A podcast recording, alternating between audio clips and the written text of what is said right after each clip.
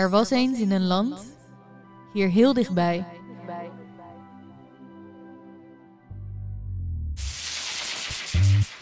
Je luistert naar Werktitel, de podcast over werk in de kunst. Mijn naam is Zoe Dankert. Mijn naam is Alix de Messiac.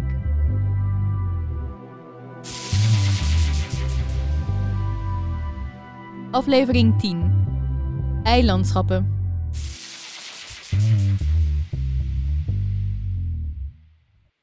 We wilden praten in huiskamers, op terrassen, in de sportschool, bij openingen, bij de fondsen en de broodfondsen, in het atelier, In het atelier, het museum, museum, de kunstacademie, de kunstacademie en in de galerie. en in de galerie.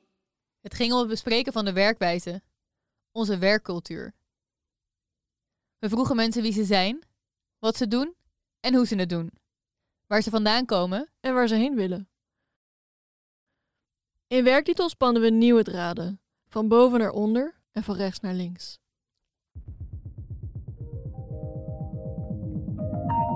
Met mensen via mensen. Met mensen via mensen.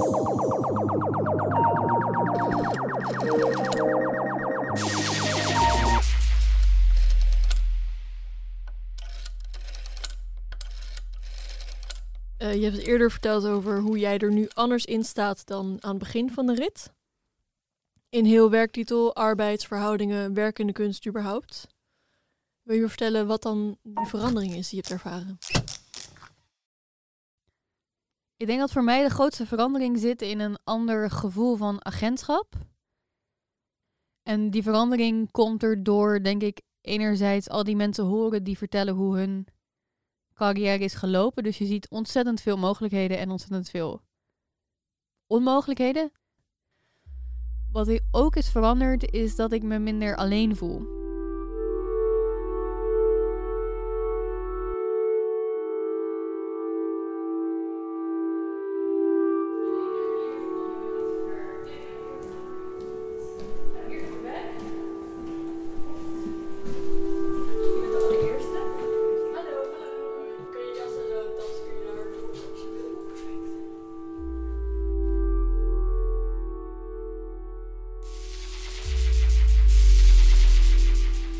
We wilden praten en dat hebben we gedaan. Sommige mensen deelden hun plannen voor hoe ze arbeidsverhoudingen anders willen aanpakken in de toekomst. Zoals Emily Koster, galeriehouder in Amsterdam.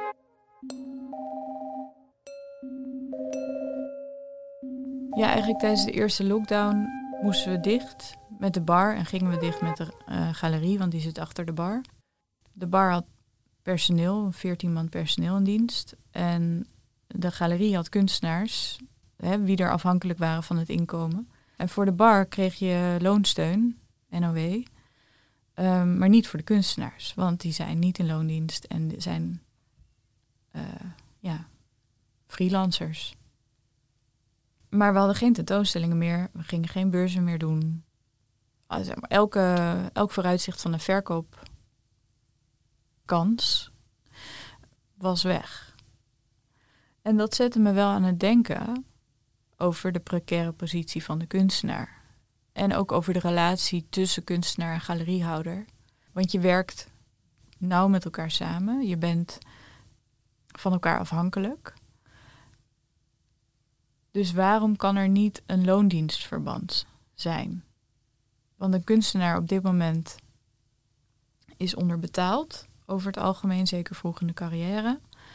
En als ze later in de carrière zijn, dan minder. Maar heel veel mensen redden het niet tot later in de carrière en gaan al wat anders doen. Als je een huis wil kopen, dan verdien je niet genoeg. Als je een huis wil huren, verdien je niet genoeg.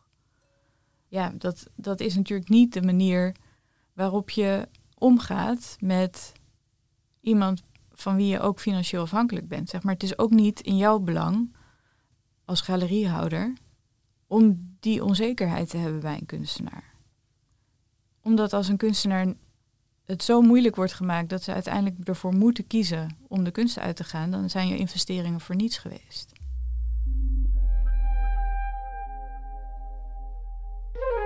Dat is kapitaalvernietiging. Je kunt natuurlijk zeggen van nou, als ik, als ik de afgelopen twee jaar heb gezien dat ik voor uh, 15.000 à 20.000 euro uh, verkoop van jouw werk, dan kan ik ook voor het komende jaar zeggen dat ik je een salaris geef van een twaalfde van dat bedrag. Uh, dan weet jij dat je dat krijgt. Daarmee bouw je pensioen op, sociale zekerheidspremies, heb je een loonstrookje, kun je in de normale wereld functioneren, word je erkend. En het verandert eigenlijk niet zoveel, want het geld, ja, ik moet het dan nog wel zien te verdienen. En als ik dat dan niet doe, dan heb ik mijn werk niet goed gedaan. Maar ik weet dat het kan, want ik heb het al eerder gedaan.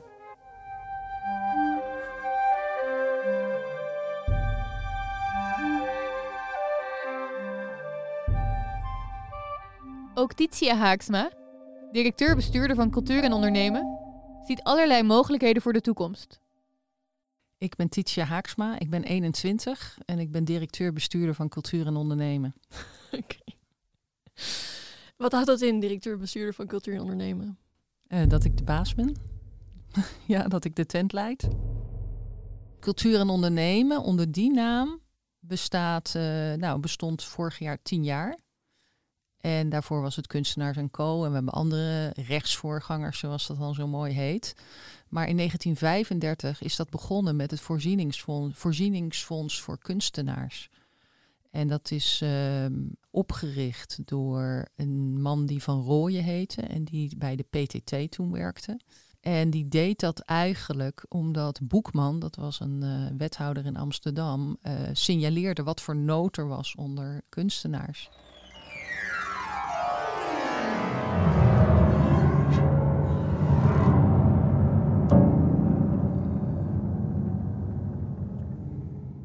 Dat signaleren deed de wethouder Emmanuel Boekman in 1931. Ik citeer. Kunstschilders moeten leven op een wijze die eigenlijk een karikatuur van leven is. Zelfs de kleinste ambtenaar heeft een zekerder werkkring en een salariering volgens betere grondslagen dan het beste orkestlid. Jean-François van Rooyen, waar Titia over vertelt, richtte met die woorden in zijn achterhoofd in 1936 een voorzieningsfonds op voor kunstenaars. Maar er waren wel wat eisen aan verbonden. Wat toen ook al gezegd werd, eh, het spook van de bedeling moest tegengegaan worden. En dat betekende dat er dus een tegenprestatie ook geleverd werd. Uh, later werd ook gezegd van nou kunnen we de mensen die bij ons aankloppen ook helpen om economisch zelfstandiger te worden. Langzamerhand heeft zich dat ontwikkeld tot uh, ja, niet alleen financieel bijstaan, maar ook zorgen dat je ja, steviger uh, staat als kunstprofessional bijvoorbeeld. Na de oprichting werden al snel leningen verschaft. En dat doet cultuur en ondernemen, naast het bevorderen van de zakelijke ontwikkeling en het besturen van organisaties nog steeds. In totaal hebben ze bijna 90 miljoen euro om uit te lenen. Bijvoorbeeld voor het ontwikkelen van je website of het kopen van een muziekinstrument. Maar het mooie natuurlijk van het leeninstrumentarium en uh, voor dingen als garantstellingen of een beetje verzekeringsachtige producten, is dat het weer terugkomt. Een subsidie, als je, uh, als je als gemeente subsidie geeft, dan geef je het één keer, dan krijg je natuurlijk iets voor terug. Hè? Dus dat, dat is waarde. Maar hier is het mooie, uh, je krijgt de culturele waarde. Maar omdat het weer afbetaald uh, wordt, komt het geld terug bij ons en kunnen we het opnieuw uitleven. En dat heet revolverend. Het komt terug, het kan opnieuw uitgezet. En ik zeg altijd, het slijt wel een beetje, want we hebben uitvoeringskosten. En er is wel eens iemand die zijn lening niet kan terugbetalen. Maar goed, dat is heel uitzonderlijk. Ja, dan, dan kan je het nog een keer inzetten. Je zei van in het begin hoeft het niet per se uh, kostendekkend te zijn. Maar wie financieren jullie dan? Hoe genereren jullie je eigen financieringsmix? Voor een belangrijk deel krijgen wij subsidie van OCW. En dat is met ingang van dit jaar is dat uh, ook in de BIS. Dus wij zijn een ondersteunende instelling voor de basisinfrastructuur voor cultuur. Dus voor de hele culturele en creatieve sector in Nederland. En verder hebben we andere opdrachtgevers, uh, gemeentes die uh, dingen willen doen voor hun ja, zeg maar lokale culturele en creatieve sector. Voor niets gaat de zon op. Dus wij werken daarvoor en wij krijgen natuurlijk die kosten vergoed.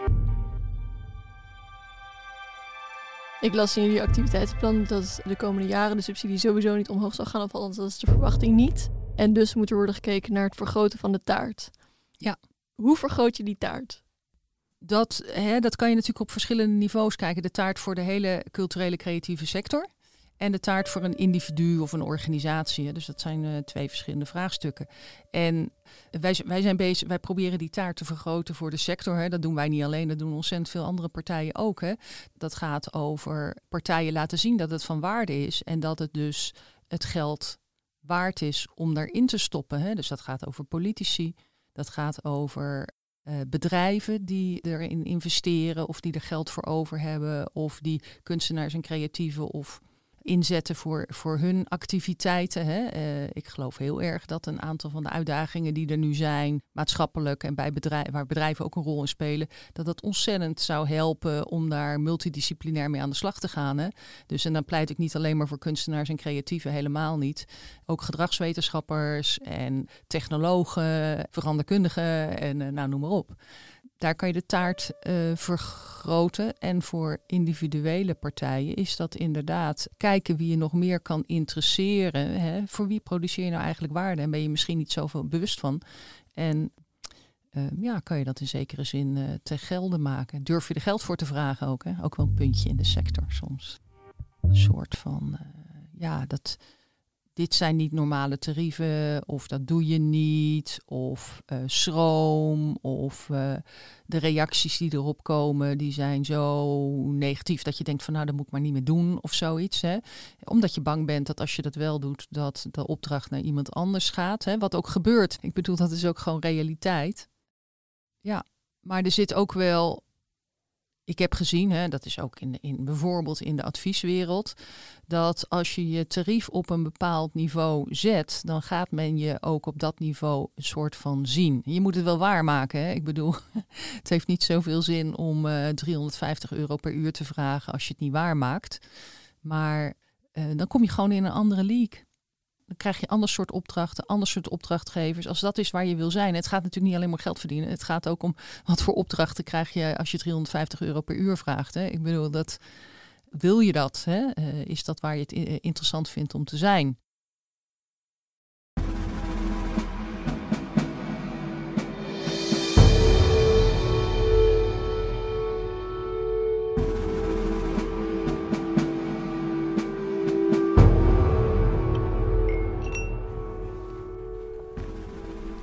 Ik denk dat de slechte dingen ook al wel heel erg veel aan bod zijn geweest. Mm. Maar ja, slecht klinkt heel, heel negatief, maar zeg maar de... De verbeterpunten. Ja, precies. Ik Ja, het is eh, gewoon een reflectie van hoe het is eigenlijk. Tenminste, dat mag iedereen zelf bepalen natuurlijk. En dat is dan gewoon jammer dat dat dan niet zo florissant is, zeg maar. Tenminste, zo, zo heb ik het. Ja, maar het is denk ik ook wel heel individueel of zo. Afhankelijk van wie je vraagt. Dan zou je misschien... Of wa- waar je dan bent, ja, wat voor positie je hebt als kunstenaar. Dat bepaalt misschien wat. Wat je dan vindt dat goed gaat of niet. In november plaatsen we een open oproep aan alle werken in de kunst. Om met ons te komen praten. Naast Annabel, die kunstenaar is, hoor je Christa, freelance kunsthistorica, en Sarah, zij is ook kunstenaar. Het waren drie kleine ontmoetingen. Toen werden het er twee. En uiteindelijk nekte corona ons. Ik hoest af en toe een beetje, maar van negatieve test. Dat is heel leuk. Toch even zeggen. En werd het er één.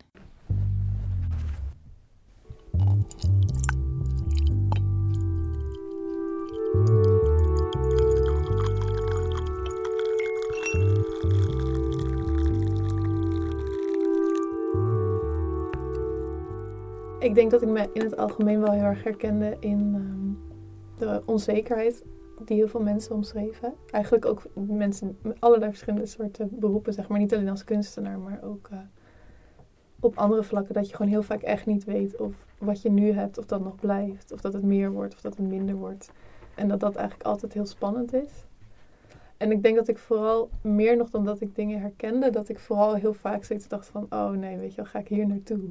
Omdat ik nu nog heel vaak denk van, oh ja, eh, ik ben beginnend, eh, ik ben net pas klaar met mijn master en het start allemaal nog een beetje op, dus alles hoort erbij.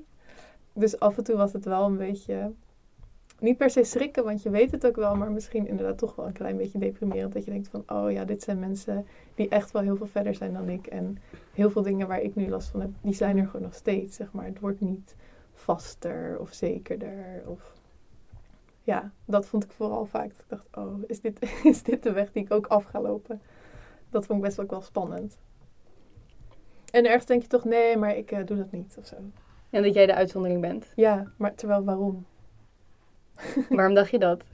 Ik weet het niet zo goed. Ik denk dan toch van, oh ja, nee, maar dan... Uh, ik weet het niet, dan, dan stop ik wel of zo. Of een beetje net als, denk ik, dat soms als je klein bent, dat je denkt van, oh ja, nee, maar als ik 25 ben, dan weet ik hoe de wereld in elkaar zit of zo. Toch een beetje zo'n soort gevoel dat je denkt, nee, dan snap ik het. Dan heb ik door hoe alles zit, dan weet ik hoe ik alles moet doen. En uh, nou ja, dan word je 25, dan is het natuurlijk helemaal niet waar. Ik denk een beetje zo'n soort sentiment. Dat je dat toch ook nog steeds ergens denkt van nee, maar als ik tien jaar afgestudeerd ben of zo, weet ik hoe lang, dan, uh, dan is het er. ja, magischerwijs komt alles dan tot mij. ja. Maar zou je dan dingen willen afspreken met jezelf van oké, als dit dan zo lang op deze manier voortgaat, dan ga ik wat anders doen? Of is dat niet iets waar je jezelf alvast op binnen? Nee, ik zou niet weten wat ik eigenlijk anders zou gaan doen. Want ik hoorde mezelf net zeggen, en denk ik ook, ja, maar wat ga je dan? Je gaat helemaal niet iets anders doen, dat gaat helemaal niet gebeuren. Dus ja, nee.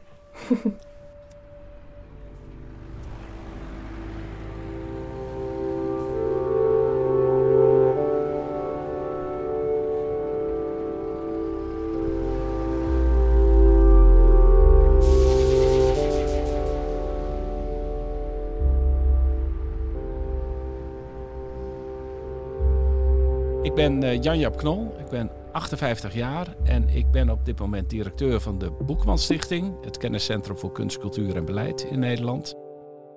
De naamgever van de Boekman Stichting is niet geheel verrassend de wethouder, Emmanuel Boekman, waar ik net al even een zin van citeerde. Omdat hij groot voorstander was van overheidsbeleid voor kunst. De Boekman Stichting is dus een kenniscentrum. En Jan Jaap vatten hun functie samen als een soort verkeerskruispunt waar heel veel kennis constant roleert. Dat is al zo vanaf 1963, toen de stichting werd opgezet door de Federatie van Kunstenaarsverenigingen. Dus verenigen, dat deden kunstenaars al in de jaren 60 en daarvoor. En kennis, dat is data. Data kunnen je ook goed inzicht geven. En, en, uh, dus ze zijn niet alleen belangrijk voor uh, belangenbehartiging, maar ook om te begrijpen wat er aan, uh, aan de hand is. En de rol van de Boekman Stichting daarbij is overkoepelend, omdat de culturele sector in Nederland uh, natuurlijk een, een eilandenlandschap is met, uh, met heel veel verschillende onderdelen dus. En het is niet eenvoudig om al die data bij elkaar te krijgen en dan in samenhang ook een aantal dingen te kunnen zeggen. Maar het kan wel. We spannen daar ook ons voor in. We hebben dat in de tijd van corona gedaan met het onderzoek naar de effecten op culturele instellingen, maar ook het uh, trickle-down uh, effect of het ontbreken uh, daaraan.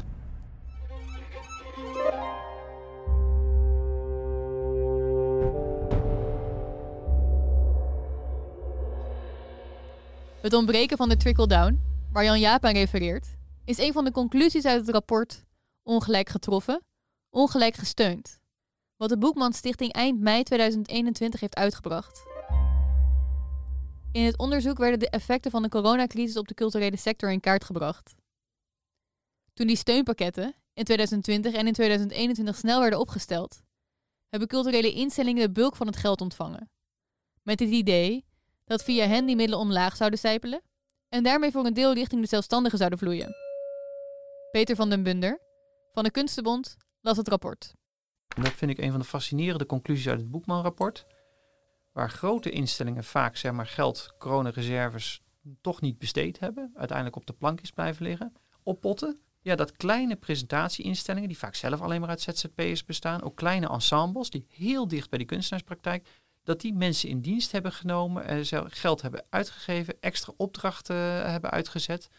Dus dat daar de maat natuurlijk zo klein is, het zijn elkaars collega's uh, veel meer dan elkaars concurrenten. De, de, de afstand tussen top en vloer is ook gewoon minimaal. Dat het daar wel gelukt is om zeg maar trickle-down, dus geld, steungeld, makkelijk te laten doorvloeien waar het de grotere instellingen niet gelukt is. Dus je ziet dat de schaal doet ertoe. En je merkt het ook in eh, dat als de schaal groter wordt, dan wordt het steeds lastiger. Ja, degene die iemand inhuurt, die heeft of geen budgetverantwoordelijkheid, of die is weer ergens van iemand anders afhankelijk. Dus hoe groter die laag is, hoe moeizamer het gaat. Met Jan Jaap had ik het ook over Rotterdam.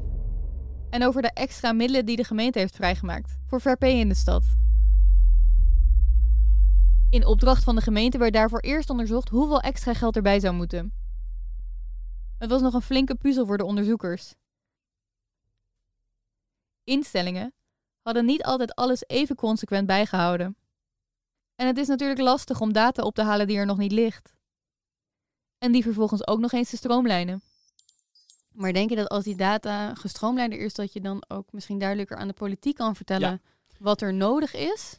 En dat daar dan de cultuurbudgetten een soort realistischer kunnen worden? Dat helpt zeker. En eh, ik denk dat dat Rotterdamse voorbeeld dat je noemde, is een heel goed voorbeeld. Uh, daar is door uh, René Goudriaan en nog een paar onderzoekers uitgerekend wat het kost om overwerk of het naleven van de CAO mogelijk te maken. En daar heeft de wethouder vervolgens in Rotterdam ook op gehandeld en dat erbij gedaan. Het is ook wel landelijk in beeld gebracht. Hè? Eigenlijk met dezelfde methode ook voor de landelijk gesubsidieerde sector. Daar kwam toen 25 miljoen uit. Ja, die bal is door de politiek wel teruggespeeld naar het veld. Van ja, dat moeten jullie zelf oplossen met elkaar. Hè? Dat is het ingewikkelde wel met de Fair Practice Code, waarvan denk ik iedereen terecht, vind ik ook, roept, uh, daar moeten we ons naar gaan houden dat uh, ja, de rekening daarvoor heen en weer wordt geschoven tussen politiek, ministerie en de diverse branches. En binnen de branche dan natuurlijk weer tussen, ja, is dat iets voor de, de grote of voor de kleine? En als je dan hebt over het gebruik van cijfers binnen de politiek. Ja, ik zou hopen, als, als er nou in cultuur wordt geïnvesteerd, dat ook het toedelen van budget op basis van dit soort analyses, dat dat gemakkelijker gedaan wordt. Want dat, is, dat zijn gewoon degelijke analyses die in kaart brengen ja, wat, het, wat het kost als je inderdaad uh, cao's wil naleven. En uh, er wordt makkelijk natuurlijk geroepen, vind ik te makkelijk, van ja, jullie hoeven ook niet al dat werk te doen. Hè? Je, je kunt ook kiezen om voor het geld wat je krijgt minder mensen aan het werk te zetten. En dan gewoon ook minder output te realiseren. Maar instellingen zijn natuurlijk wel heel erg lang aangespoord door subsidiënten om juist heel veel te presteren. Heel erg te laten zien wat je allemaal doet voor dat geld. En, eh, en hoeveel publiek je daar ook mee bereikt. En hoeveel eigen inkomsten je ook haalt. Dus die prestatiedruk die is ook door de politiek zelf uh, opgevoerd. En uh, ik denk dat daarmee ook wel de politiek echt verantwoordelijk is voor het helpen oplossen van de knelpunten die het echt naleven van de Fair Practice Code nou eenmaal opleveren. Moeilijke is dat in de Fair Practice Code wordt solidariteit als eerste waarde genoemd. Maar ja, als je dat op een hoog abstractieniveau bekijkt, ja, dan zal iedereen uh, zeggen van ik ben hartstikke solidair uh, met, uh, met jou. En, maar zodra het concreter en praktischer wordt, wordt dat steeds moeilijker.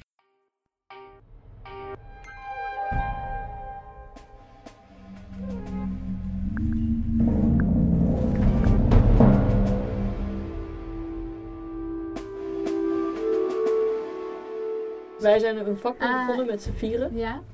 En wij hebben besloten, voor minder dan 70 doen we het niet. En dan Mhm. komt de opdrachtgever bij jou en die zegt, doe je het over 50. Maar je bedoelt dat je dan eh, nadenkt over wat het effect is. Stel dat je daar ja op zegt. Dat dat Mhm. naast dat alleen effect voor jou ook een effect voor een ander heeft. Absoluut. Dat je daarover nadenkt. En daar misschien ook je- dat laat meespelen in je beslissing. Precies.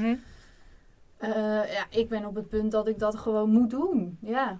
Dus maar dan dat- moet je niet afspreken dat je het voor... Nee, ja, klopt. Jij moet ja zeggen. Ik moet 50. ja zeggen dan. Ja.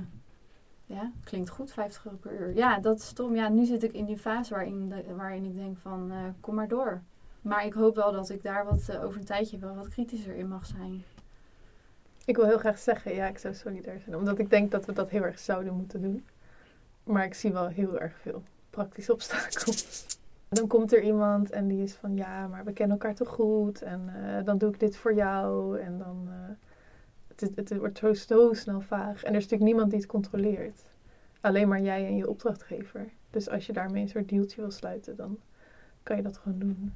En het is natuurlijk ook, je moet dan ook zoveel vertrouwen in hebben, hebben in elkaar. Zeg maar wat jij ook zegt, van ja, ik kan gewoon niet nee zeggen daartegen, want ik heb dat nodig. Ik denk, ja, wie ben ik dan eigenlijk ook om tegen jou te zeggen, nee, dat mag niet. Je, je moet die 70 vragen. Denk, Ja, ja, ben jij heel solidair. ja, maar is dat, is dat dan, ja, is dat dan, ja. Is Nou ja, dan de je- het ding is, je weet natuurlijk dat anders krijg je die opdracht niet. Tenminste. En dan gaat, schrijft hij weer naar iemand anders. Ja, je moet er dan heel veel vertrouwen in hebben dat er niemand is die ja gaat zeggen tegen 50 euro.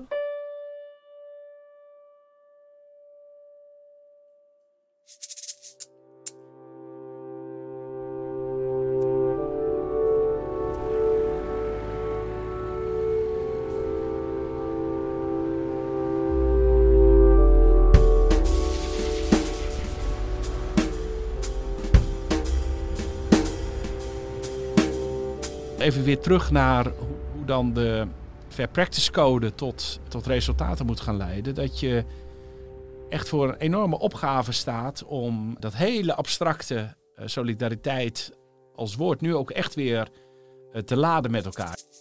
Wat mij betreft zou OCW aan de ene kant dus meer geld, en dat hoop ik dus op voor een kabinet, echt expliciet voor die arbeidsvoorwaarden moeten oormerken.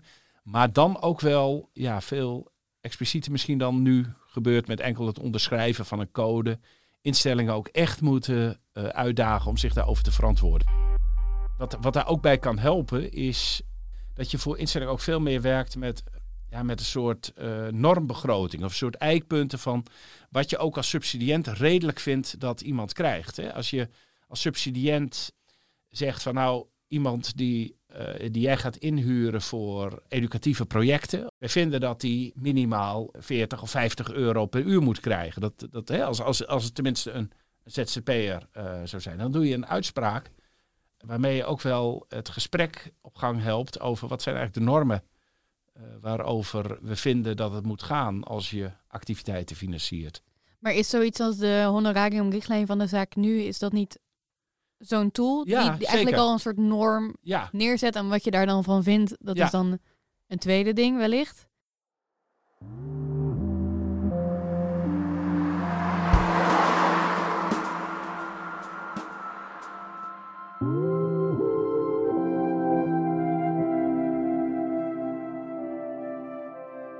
Ik ben eh, Astrid Schumacher. Ik ben 48 jaar en ik ben sinds kort begonnen bij de Hartwig Art Foundation. Eh, daarnaast ben ik eh, directie- of bestuurssecretaris bij de zaak nu. En ik agendeer en eh, signaleer dingen vanuit het veld. Ik maak ze bespreekbaar met het bestuur. En probeer handreikingen te geven aan onze leden. En we lobbyen richting de politiek. Astrid initieert en coördineert de richtlijn functie en loongebouw, dat een idee geeft van wat eerlijke lonen, vergoedingen en arbeidsvoorwaarden zijn voor freelancers en voor mensen in vaste dienst in de sector. Datzelfde doet ze voor de Faircare gedragscode en protocol, dat instellingen helpt om een veilige werkomgeving te zijn voor iedereen. En in samenwerking met BKNL, Beeldende Kunst Nederland, met de richtlijn kunstenaarshonorarium, waardoor het nu ook normaler is om kunstenaars te betalen voor hun werk. En wie zijn jullie leden? Dat zijn eh, presentatie- en postacademische instellingen in Nederland. Presentatieinstellingen, dat kunnen zijn eh, eh, kunstinitiatieven, kunstenaarsinitiatieven. Maar het kunnen ook grotere instellingen zijn die dus eh, structureel geld krijgen of structureel langdurig geld krijgen van, eh, van OCW. Het is wel heel grappig, want ik hoorde in een eerder gesprek ook Lex zeggen ze over zo van dat veld is echt enorm divers, maar gewoon weinig solidair. En dat we dat ook echt moesten leren als veld. Ik zeg maar dat ik spreek in de WUF-vorm over de presentatieinstellingen. Ja, solidair te zijn met elkaar, maar ook te weten dus dat je, ja, je verschilt enorm van elkaar. Maar dat wil niet zeggen dus dat je samen met elkaar iets kan bereiken. En je hebt elkaar nodig. En dat was ook echt gewoon destijds ook de boodschap van uh, de Mondriaan Stichting destijds. Zij van ja, er komen echt enorme bezuinigingen aan. Je moet die echt gewoon goed organiseren. Waarom was het ervoor eigenlijk niet? Ja, die, uh, die zijn allemaal zo uh, individualistisch en weet niet zeggen anarchistisch. Nou, natuurlijk wel helemaal in het begin echt gewoon anarchistische bewegingen. Ja, zich niet laten verenigen. Ja, heel individueel bezig. En nu dus minder. Anders. Anders. Het is niet minder, het is echt anders. Ja, elkaar weten te respecteren en ook weten zo van dus dat, uh, dat landschap en het veld er zo uitziet en dat het juist heel bijzonder is. is dat iedereen zo verschilt. Dat dat maakt dat we een heel rijk landschap hebben.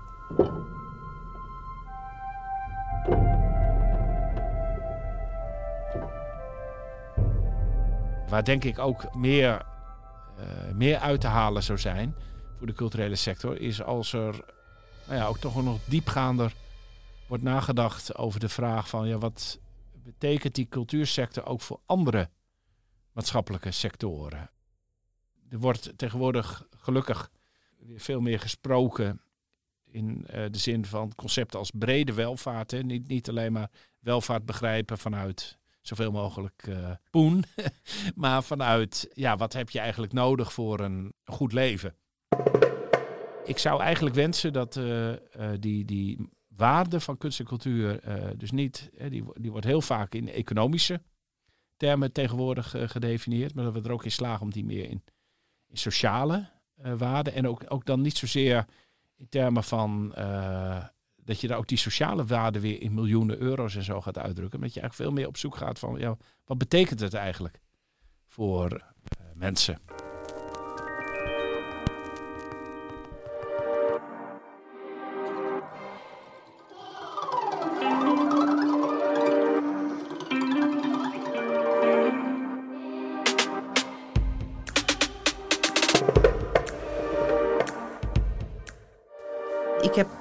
Denk ik cultuur als een soort redding van, van alles gezien.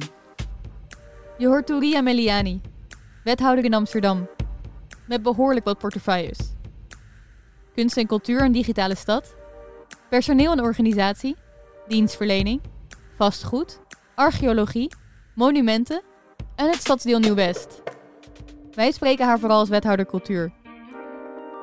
Ik zag mijn moeder gelukkig geworden en ik zag mezelf beter worden. En, uh, en alle zorgen die we hadden. Want ik zag natuurlijk de zorg die wij als kind hadden. Mijn moeder had geen tijd om zorg te hebben, die moest overleven. Om uh, te eten te zorgen met zes kinderen. Dus ja, we waren blij dat we nog net konden leven. Maar je had het weekend had ze toch wel echt wel tijd om te koken. Echt uitgebreid bedoel ik. En dan die muziek op te zetten. En dan had ze een plaatspeler gekocht. En dan ging er een plaatje op en dan zag ik die rug van haar. En af en toe dacht ik, hmm, ik zie die rug bewegen. En toen dacht ik, oh, ze is aan het huilen. En ze draaide dan, die muziek was gescheiden. Alleen maar werken, muziek, eten.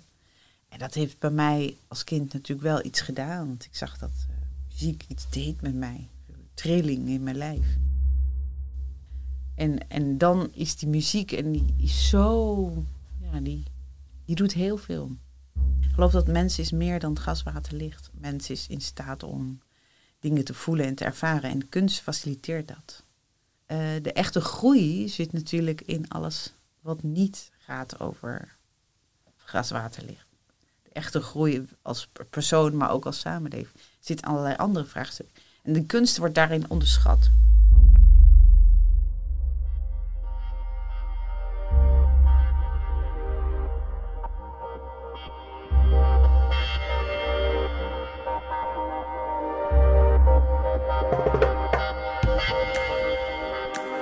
Er echt iets aan het veranderen is.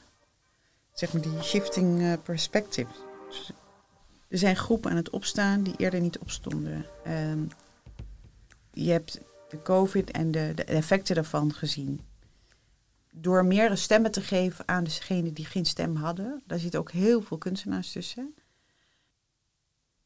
Ontstaan er uiteindelijk nieuwe dingen naar boven en dan krijg je een bepaalde urgentievraagstuk. Je hebt dus de, de instituten of degenen die het allemaal al heel lang doen, die, die moeten van binnen bewegen. En je hebt degene die nu opstaan en zeggen, wacht even, ik beweeg, maar er zijn geen middelen. Dus daar zal iets gaan gebeuren onderling. Of die vinden elkaar, die moeten bewegen en zeggen, ik neem mijn kunstenaars meer aan dienst, of in vaste dienst, of ik ga ze beter betalen, of ik, ik zet wat urgentere vraagstukken nu op het podium dan ik eerder heb gedaan. Of er gaat iets gebeuren dat al die organisaties zeggen, maar ik doe het zelf wel. En dan moeten er natuurlijk ook middelen bij. Of er moeten middelen verschoven worden. Rechts of linksom gaat het veranderen. Daar ben ik van overtuigd. Een van de meer opvallende dingen in onze gesprekken waren enkele belangenbehartigers die ons vertelden over een nieuwe ontwikkeling waar ze graag voor zouden willen staan. Zoals Peter van den Bunder van de Kunstenbond. Ik vind het een, een shift van budget niet via de instellingen naar de kunstenaars, maar andersom. Via de kunstenaars naar de instellingen, dat dat een ontzettend goede ontwikkeling uh, zou zijn. En Ruud Nederveen van de Creatieve Coalitie. En daar hebben wij als Creatieve Coalitie enorm voor gepleit. Zorg dat er een trickle-up systeem ontstaat. Waarin er een idee is bij de makers, die daar vervolgens hun eigen kanalen, hun distributie bij zoeken in de vorm van een gezelschap of een theater of een. kan van alles zijn. Hè? Maar de aanvrager is de maker. En die komt vervolgens met een zak met geld bij een theater en zegt: Wij gaan dit doen, doe je mee?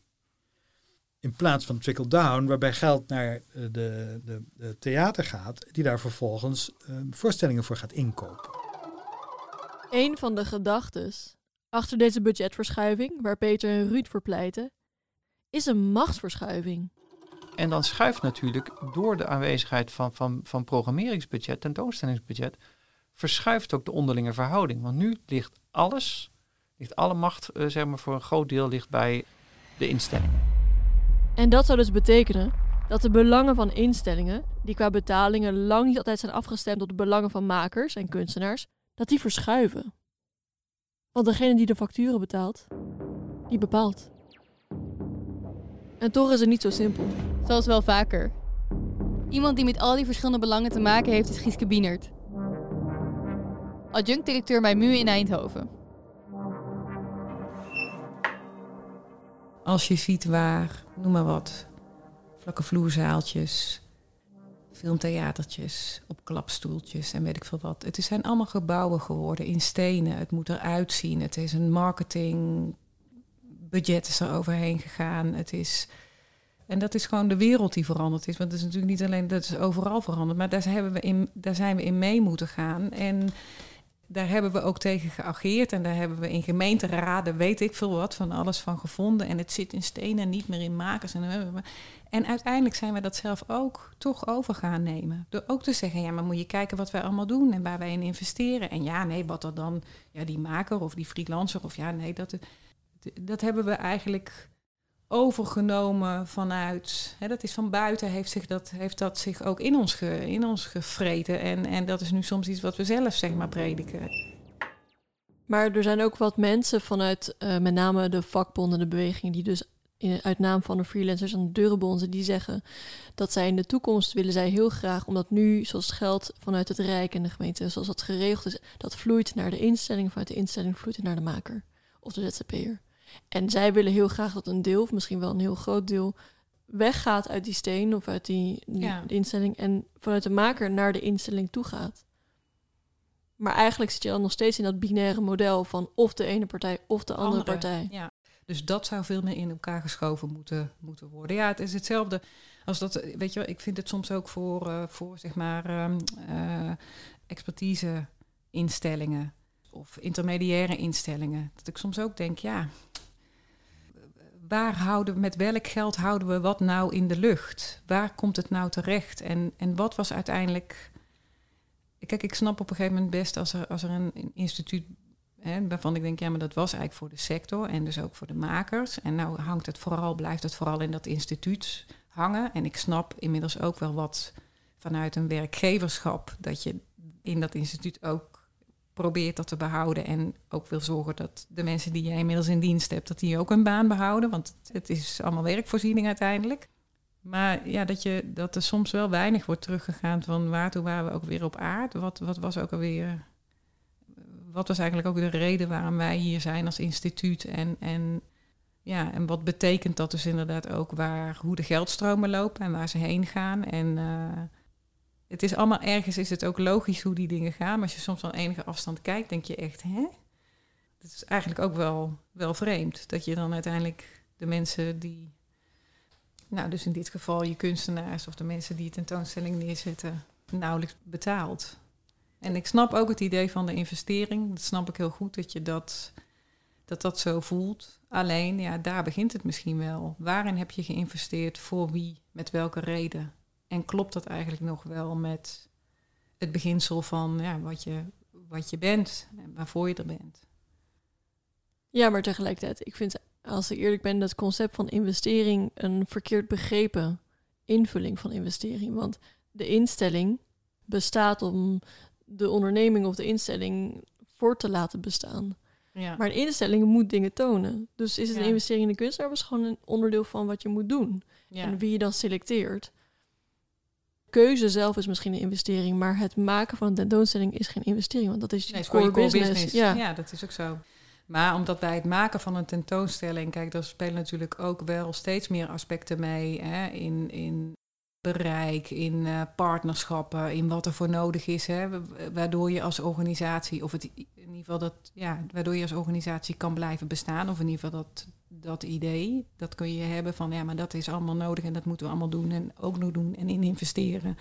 En dat is misschien wel te veel de core business. Dat heeft ons misschien wel afgeleid soms van uh, ja, wat in, wezen je core business zou moeten zijn. Er zijn ook wel allerlei randvoorwaarden bijgekomen of gecreëerd, ook hè, eh, vanuit, uh, nou, vanuit het maatschappelijk debat, vanuit politiek, vanuit beleid. En waarvoor je toch het idee hebt van ja, dat moeten we doen, willen we nog een beetje meespelen. En dat heeft misschien wel ook te maken met ja, dat de sector misschien. Dat we ook wel altijd heel erg ons best moeten laten doen van waarom we van belang zijn. Ja, dat heeft ook wel met de plek, uiteindelijk natuurlijk met de, met de plek van kunst en cultuur in de samenleving te maken.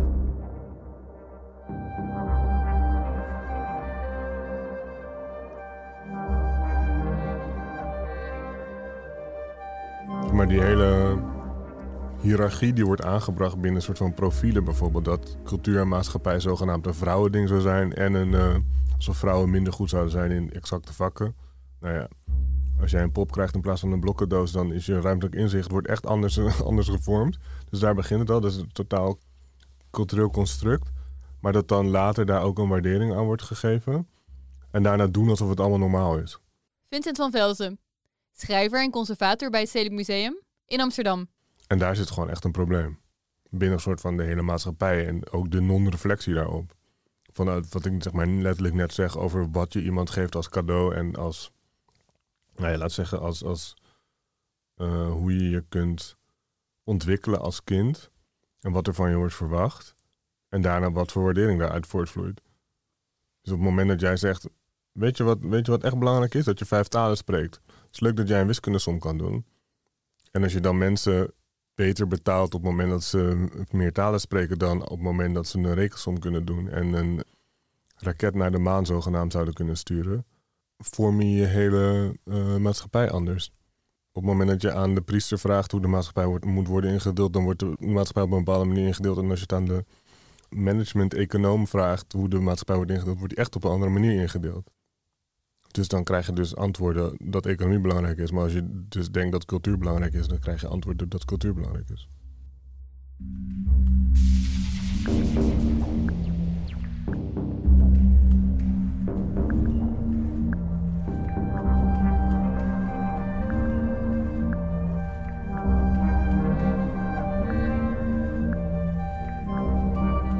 Ja, welke waarde geef je daar dan aan? Je hoorde Gunnar Peitersen, hij is kunstenaar, docent en medeoprichter van Platform BK. Waaruit bouw je zo'n zo'n honorarium op? Hij vertelt hoe het kunstenaarshonorarium tot stand kwam. Dat begin 2017 het licht zag. En dat waren heel interessante gesprekken. En ook gesprekken, en dat vond plaats in, in de, in de, bij de BKNL, het Beeldende Kunst Nederland overleg. En daar zaten ook verenigingen en groepen bij die uh, het misschien iets minder belangrijk vonden dat de kunstenaars betaald werden. Of in ieder geval dat ze vonden dat het niet zo zoveel hoeft te zijn. Nou, een museumvereniging bijvoorbeeld vond dat het, dat het ook in verhouding gezien moest worden tot, eh, tot wat de, nou, de budgetten, de huidige budgetten, destijds huidige budgetten van, de- van de musea. En drong misschien iets meer aan op een minder stringente versie van, van de richtlijn. En dat is in zekere zin ook logisch vanuit hun positie. Het eerste onderzoek, wat dus aantoonde dat in 75% van de gevallen ontvangt de kunstenaar niks. Dat was ook voor de museumwereld best ontluisterend. En daar werd ook gedacht, ja oké, dus dit kan dus niet zo. BKNL ging op zoek naar best practices en huurde een extern adviesbureau in. Om na te denken over hoe dat in Nederland zou kunnen werken. Dat was best een lastige oefening. Van waar, waar, ehm, wat betekent dat eigenlijk? Wat dat is gaan betekenen, is dat je als kunstenaar op dit moment voor een solo met nieuw werk minimaal 8000 euro krijgt. Dat klinkt best goed, toch? En voor een solo met al bestaand werk is dat 1100 euro. Formeel is het kunstenaarshonorarium een richtlijn die minima aangeeft. En zijn de bedragen een beginpunt, geen eindpunt. Maar zo wordt het niet altijd begrepen. Ook over het verschil tussen bestaand en nieuw werk lopen de meningen soms uiteen. En dat was aan de orde bij de overleggen. En dat was met name bij de totstandkoming van het kunstenaarshonorarium. Was dat wel even Maar speelt ook nu nog, zoals je later zult horen. Ja, wel lastige gesprekken hadden we het echt over eh, definities van eh, bestaand of nieuw werk, waar niet altijd uitgekomen werd. Dat was wel heel erg lastig. Dat is wel heel jammer ook. Het ging ook echt over ja, een bestaand werk, een, een werk wat de kunstenaar heeft gemaakt, maar nooit eerder heeft getoond, is voor een kunstenaar nieuw werk. En iemand anders zegt nee, maar het is al een bestaand werk. En het werk is al deels gefinancierd met projectgeld van iets anders. Hoezo is dat dan nieuw werk? Daar, daar liepen de belangen een beetje uiteen. Daar gingen de, de definities lagen anders. Betekent dat, dat dat als je een tentoonstelling hebt, eh, de meeste kunstenaars die hebben we waarschijnlijk één tot twee tentoonstellingen per jaar. Sommigen in een klein initiatief, anderen in een grote, grote solo in, in een groot museum. Zou dat dan genoeg moeten zijn om jou voor, voor een heel jaar, ehm, ja, je inkomen voor een heel jaar te dekken? Dat lijkt mij enigszins onredelijk. Vanuit dat soort gedachten werd, werd er dan een model opgesteld die dan uitging van iets meer dan een paar tentoonstellingen per jaar. Om ook een beetje tegemoet te komen aan het idee dat het werk wat je dan tentoonstelt in principe ook in waarde stijgt. En je dat dan ook later, op een later moment zou kunnen verkopen. Dus allerlei compromissen enzovoort. enzovoort. Uiteindelijk kwamen we dus uit op die, op die bedragen die er nu in staan. En daar zit dan de overweging in dat als je nieuw werk maakt, dan, dan zit er natuurlijk een langer soort aanloop aan. Als je bestaand werk gewoon opstuurt naar een tentoonstelling, dan heb je daar wat minder werk aan gehad. En dan heb je, als het goed is, dat werk ook al ergens tentoongesteld en misschien ook al een honorarium voor ontvangen. Ik had het net over het honorarium voor een solo. Dat is 8000 of 1100 euro. Afhankelijk van of het om nieuw werk of al bestaand werk gaat. Voor groepstentoonstellingen gelden weer andere bedragen. Stel, je zit samen met zes andere kunstenaars in een tentoonstelling en je laat nieuw werk zien. Dan gaat het om 1500 euro. En voor bestaand werk, in diezelfde groepstentoonstelling, is het 222 euro.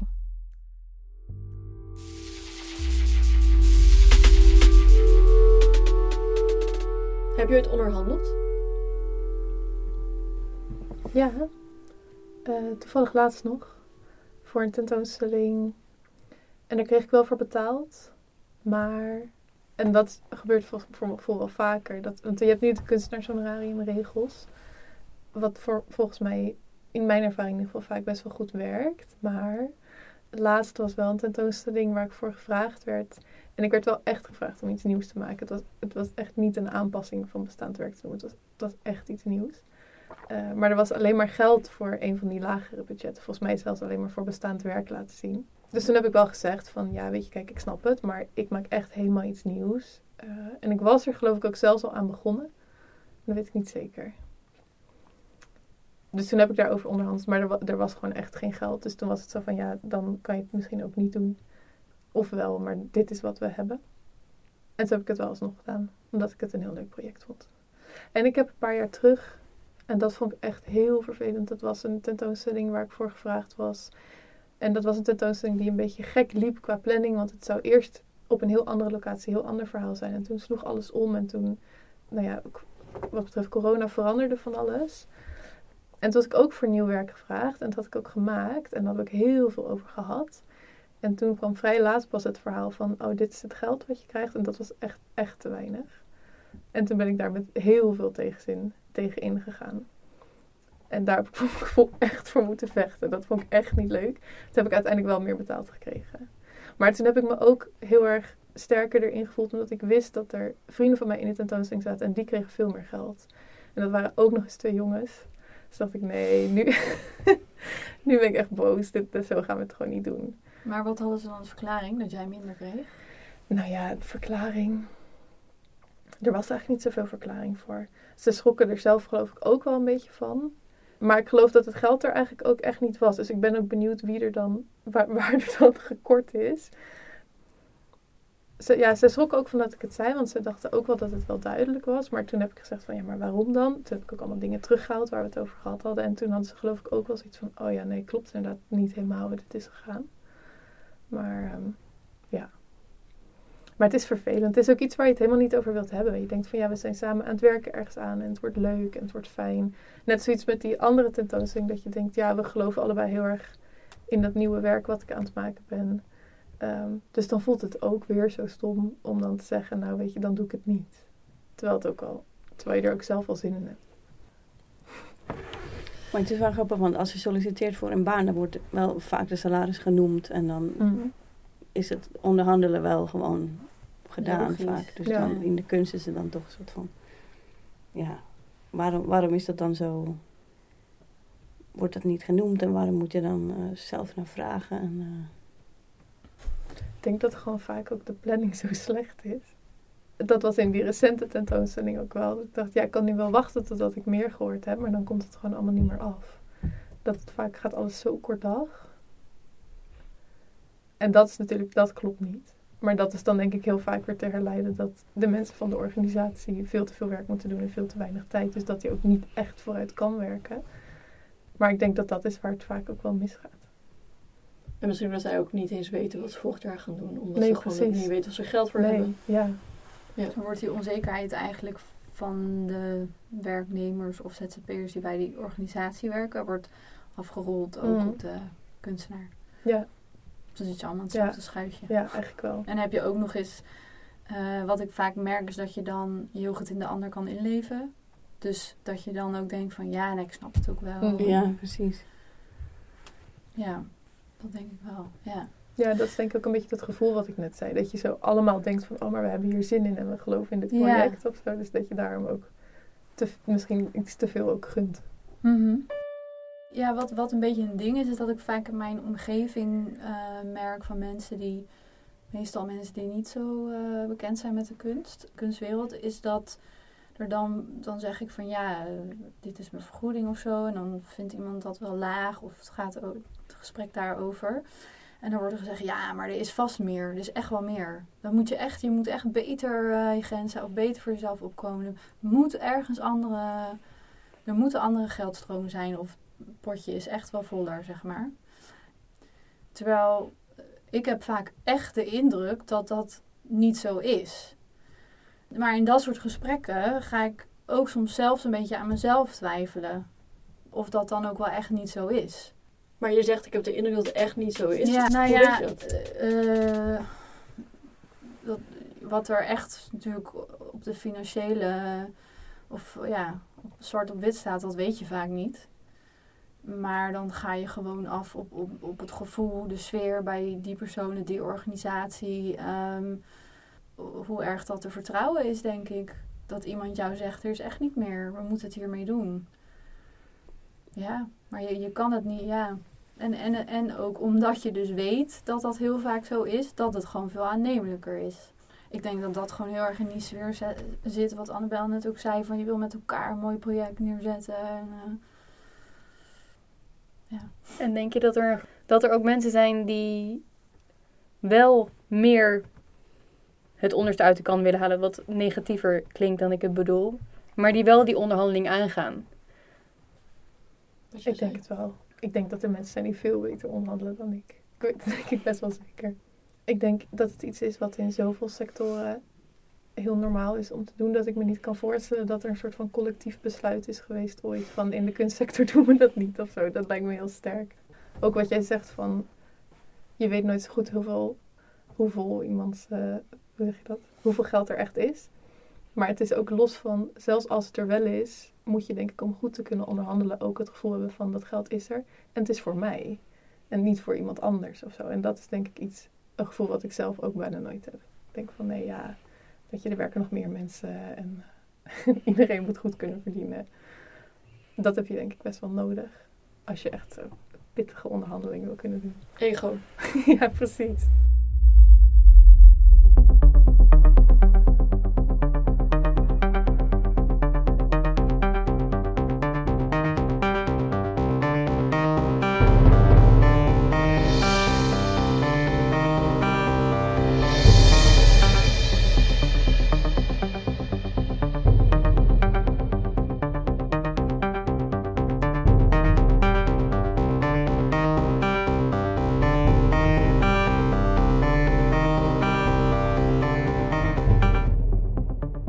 Heb wel meer respect gekregen voor het idee van collega's via dit project. Maar, want wij zijn geen vrienden wat mij betreft. Maar we zijn wel, we kennen elkaar wel. Dan ben je gewoon collega's.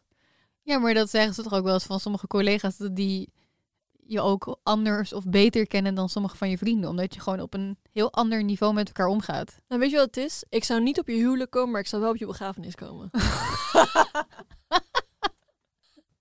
ik denk dat ik meer respect heb gekregen voor de formele kant van werk. Dus de, al die, die traditionele dingen. En collega's is dan een van die onderdelen Mm. ervan. Ja, ja. Dus functies, collega's, organisatie, loongebouwen, overeenkomsten. Dat hele werkjargon heb ik ook leren kennen via die mensen. En ook via dit proces. En daardoor heb ik er ook meer respect en interesse. Ik had er wel interesse in, maar ik had er interesse in als, als je een insect uit elkaar trekt. Maar nu heb ik er meer geleefde, geleende geleefde interesse en respect voor gekregen. Daarin heeft het begrip professionaliteit voor mij een veel betere, concretere invulling gekregen. En ik versta professionaliteit eigenlijk helemaal niet meer in individuele zin, zoals het eigenlijk meestal wordt gebruikt. En denk ik zoals wij het ook hebben ingestoken in het begin toen dat aan mensen vroegen. Het gaat veel meer om de organisatie. De organisatie moet professioneel zijn. En van daaruit kunnen mensen ook die professionaliteit ook leven en voorleven. Maar als die kaders eromheen niet zijn gesteld, dan moet je niet beginnen met praten over individuele verantwoordelijkheid. Collectief, de organisatie moet het goed doen. En daar komt het vandaan en niet andersom. En dat is niet per se top-down, ook al zou het in eerste instantie wel zo lijken. Maar wat het wel is, weet ik ook niet. Maar het is in ieder geval iets wat eh, je moet er niet zo los over denken. Want het is iets wat we serieus moeten nemen. Wij moeten onze overeenkomst tekenen, nu we aan het einde zijn van deze rit. Ja, mijn broertje, die begon eh, nu eh, een jaar geleden. Je moet een overeenkomst maken. Ja, hoezo? Komen we wel uit. En toen, net voor de zomer ongeveer, kwam jij weer van... Oké, we moeten hem maken, we gaan hem opstellen. Nou, we hebben hem inmiddels opgesteld. Maar we hebben hem nog steeds niet getekend. Dus... ehm, Zullen we dat dan nu doen? Ze tekenen de overeenkomst en leefden nog lang en gelukkig. Dit was werktitel. ik denk het wel. Alleen we moeten wel het laatste ding nog aanpassen. Oh ja.